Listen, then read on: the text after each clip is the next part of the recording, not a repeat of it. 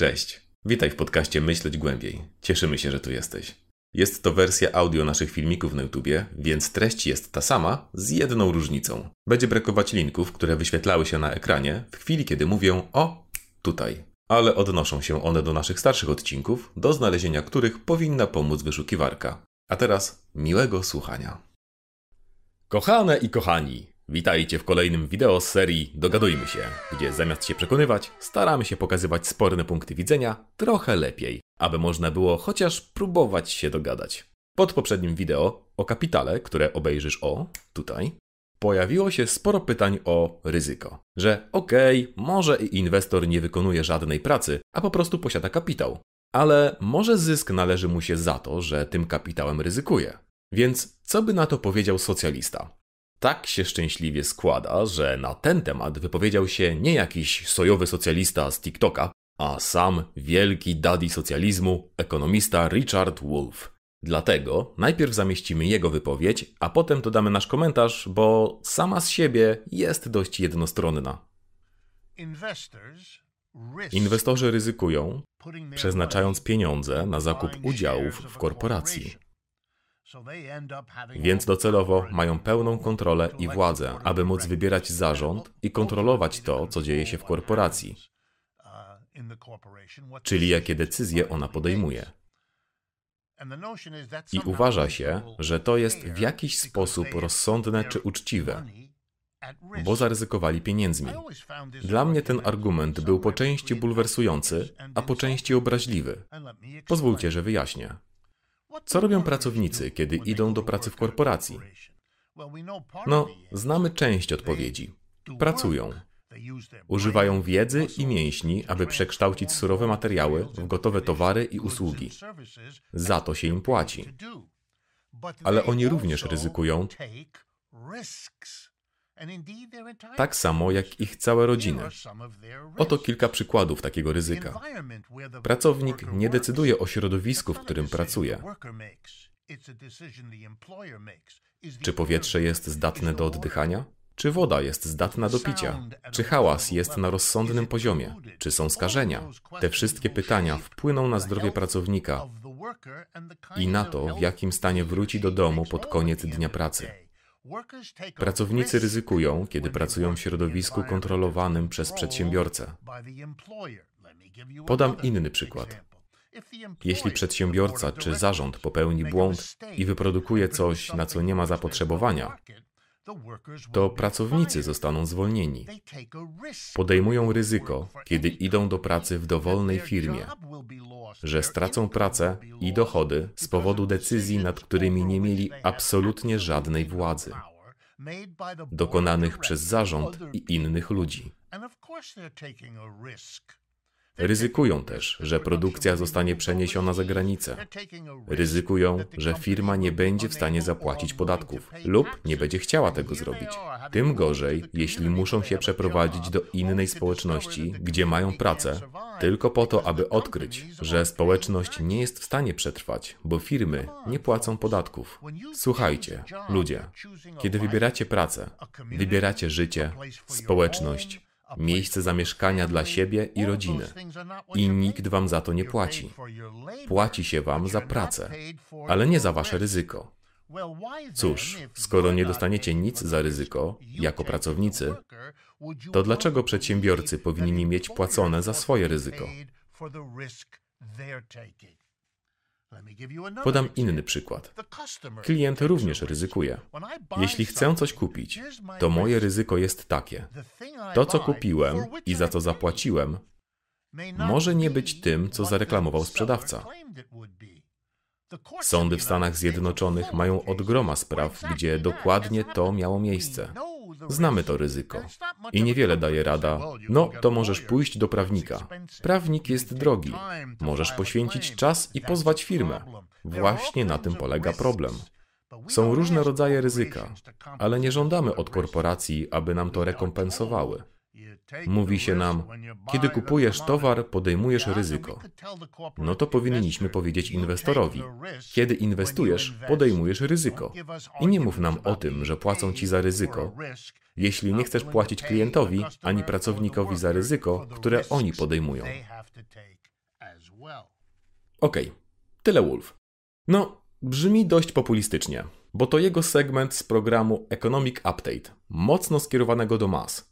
Tyle, że jest populizm i jest populizm. W znaczeniu złym i powszechniejszym, populista mówi ludziom to, co chcą usłyszeć i realizuje ich doraźne interesy. A tak naprawdę to za kulisami realizuje swoje cele. Za to dobre rozumienie populizmu to mówienie do ludzi w sposób zrozumiały, tak aby uświadomić im ich realne interesy i aby mogli o nie zadbać. Naszym zdaniem Wolf jest populistą tego drugiego typu. Więc przełóżmy to, co mówi, z populistycznego na nasze. Przede wszystkim Wolf jest socjalistą. Jeśli jeszcze nie miałyście i nie mieliście okazji się zapoznać z jego poglądami, to możecie zrobić to o tutaj. A to znaczy, że będzie kierować się inną ideologią niż aktualnie panujący neoliberalizm. Według niego, a konkretnie jedynego z jego aksjomatów, zwanego teorią skapywania, im więcej pieniędzy mają najbogatsi, tym więcej skapnie dla najbiedniejszych.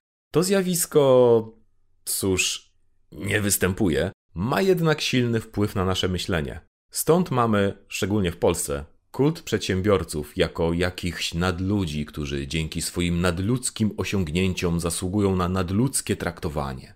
Wolf zaś stosuje etykę socjalistyczną, w której to społeczeństwo, a nie kapitał, ma być na pierwszym miejscu. Więc skoro wszyscy mamy być równi wobec prawa, to nasze ryzyko też powinno być traktowane podobnie. I ten moment jest dla wielu ludzi trudny, bo powoduje konflikt wewnątrz ich ideologii. Otóż ta deklarowana część ideologii, że wszyscy jesteśmy równi wobec prawa, ściera się z częścią przemycaną podskórnie, że bogaci są w jakiś sposób lepsi, a biedni gorsi. Bogaci są lepsi, bo wykazali swoją wartość i się dorobili. Skąd wiemy, że się dorobili? Bo są bogaci. A czemu są bogaci? Bo się dorobili. Nie ma tu nic o nieuczciwości, dziedziczeniu czy zwyczajnym szczęściu. Taki podział na lepszych i gorszych powoduje, że ludzie chętnie patrzą biednym na ręce. Że o, kupił sobie Netflixa, albo o, je tosty z awokado zamiast odłożyć na wkład własny za mieszkanie. Za to nie patrzymy w ten sam sposób na bogatych. O, buduje sobie kolejny dom, albo o, kupuje kolejny jacht, albo leci w kosmos zamiast poprawić warunki pracy w swoich zakładach. Ale no nie możemy go krytykować, bo przecież to jego własne pieniądze. Ma prawo robić z nimi co chce. Innymi słowy, osobę biedną trzeba rozliczać, bo jest aż tak biedna, natomiast bogatej nie należy rozliczać, bo jest aż tak bogata. Jednak jeśli chodzi o ryzyko, to myślenie zostaje całkowicie odwrócone. Osobę bogatą należy chronić przed ryzykiem, bo to co ma, czyli kapitał, jest tak dużo warte. Natomiast biednej już nie, bo to co ma, czyli praca, jest aż tak powszechne. To dwójmyślenie jest zrozumiałe tylko kiedy uświadomimy sobie, że dominująca ideologia w rzeczywistości dzieli ludzi na takie dwie kategorie i choć nie jest to usankcjonowane prawnie, to jednak pewnych ludzi będziemy bronić, a drugich atakować. Tylko, aby móc choćby próbować dogadać się z takim Wolfem, musimy zrozumieć jego podłoże etyczne. To nie jest tak, że on nie uznaje tej nadludzkości przedsiębiorców po prostu dlatego, że ich nie lubi, a dlatego, że postulowany przez niego świat ma być światem większej demokracji, w tym demokracji w miejscu pracy. Patrzcie, nazwa jego kanału. Więc dla takiego socjalisty płacenie inwestorowi za ryzyko będzie podwójnie absurdalne, bo zarówno kapitał, jak i moc decyzyjna, jak i ryzyko powinny być rozłożone pomiędzy pracownikami. Więc mówienie socjaliście o ryzyku inwestorów to trochę jakby powiedzieć, że nie uważasz, że usprawiedliwieniem tej małej wady systemu, którą chcesz zmienić, jest ta główna wada systemu, którą też chcesz zmienić? Tylko, że w tym momencie jesteśmy już na poziomie osobistych przekonań, gdzie większość kapitalistów uważa, że tak, przedsiębiorcy są po prostu lepsi i wyjątkowi, bo posiadają zmysł organizacyjny i inne umiejętności, których szeregowym pracownikom po prostu brakuje. Natomiast socjaliści stwierdzą, że przedsiębiorcy są wyjątkowi głównie dlatego, że zagarnęli dla siebie całą władzę w firmie. przez co mamy społeczeństwo uwarunkowane do bycia biernymi pracownikami. Ale gdyby dać ludziom realne szanse, to potrafiliby się zorganizować równie dobrze. Czasem w komentarzach przewija się argument, że przedsiębiorca straci więcej, a może nawet wszystko. Po pierwsze, osoby, które mówią o utracie wszystkiego, chyba nigdy nie słyszały o ogłoszeniu upadłości, czy na czym polega spółka z ograniczoną odpowiedzialnością. Spoiler, to ograniczona odpowiedzialność finansowa. Po drugie, jeśli przedsiębiorca w rzeczywistości zastawił, nie wiem, swój dom, żeby zainwestować w firmę, to może powinien był sobie odpuścić tosty z awokado, aby mieć na inwestycje? No bo sorki, ale to jest zachowanie skrajnie nieodpowiedzialne finansowo. No dobra, ale na poważnie. Co z tym, że przedsiębiorca straci większą kwotę niż pracownik? Tu znowu różni się etyka socjalistyczna, skupiona na społeczeństwie, od kapitalistycznej, skupionej na kapitale. Zamiast patrzeć na kwoty pieniężne, patrzymy na to, jak zmieni się życie osób, które je straciły. Rozważny przedsiębiorca ma ten komfort, że w najgorszym przypadku będzie musiał znaleźć pracę, a pracownik z tej pozycji już startuje, więc jego sytuacja życiowa może się tylko pogorszyć w przypadku straty pracy. Pracowałem w rozlewni jogurtów, jak mnie wywalili, to powiedzieli, żebym sobie je zabrał. Albo, co gorsza, straty zdolności do pracy. A co z tym, że jak przedsiębiorca straci firmę, to zatrudnieni w niej stracą pracę? Znów wracamy do Wolfa. On przynajmniej poniesie konsekwencje swoich własnych decyzji, natomiast pracownicy będą się mogli co najwyżej bezsilnie przyglądać takiemu upadkowi, któremu nie będą w stanie przeciwdziałać. Czyli podsumowując, znowu typowy wniosek myśleć głębiej. Różne ideologie myślą w różny sposób. A przynajmniej tak można na to patrzeć, aby chociaż spróbować się dogadać. A skoro wszystko po staremu, to niby skończyliśmy.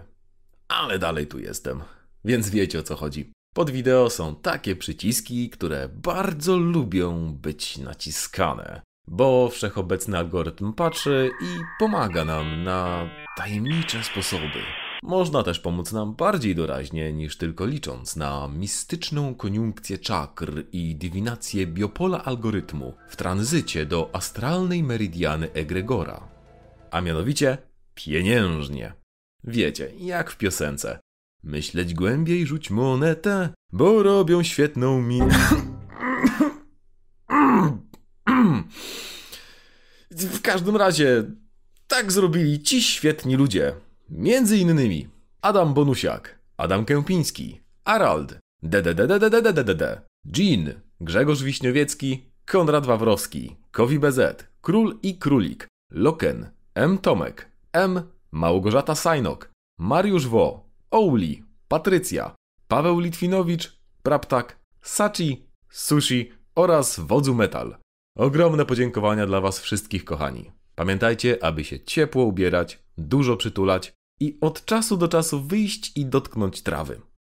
Może to ostatnie brzmi dziwnie, ale z tego co sobie słucham czasami, mam wrażenie, że powoli wkraczamy w ten etap dystopii, że zapominamy, że spacery w zielonych terenach są naprawdę dobre. Więc polecam. Pozdrawiam i do następnego wideo. Trzymajcie się, pa!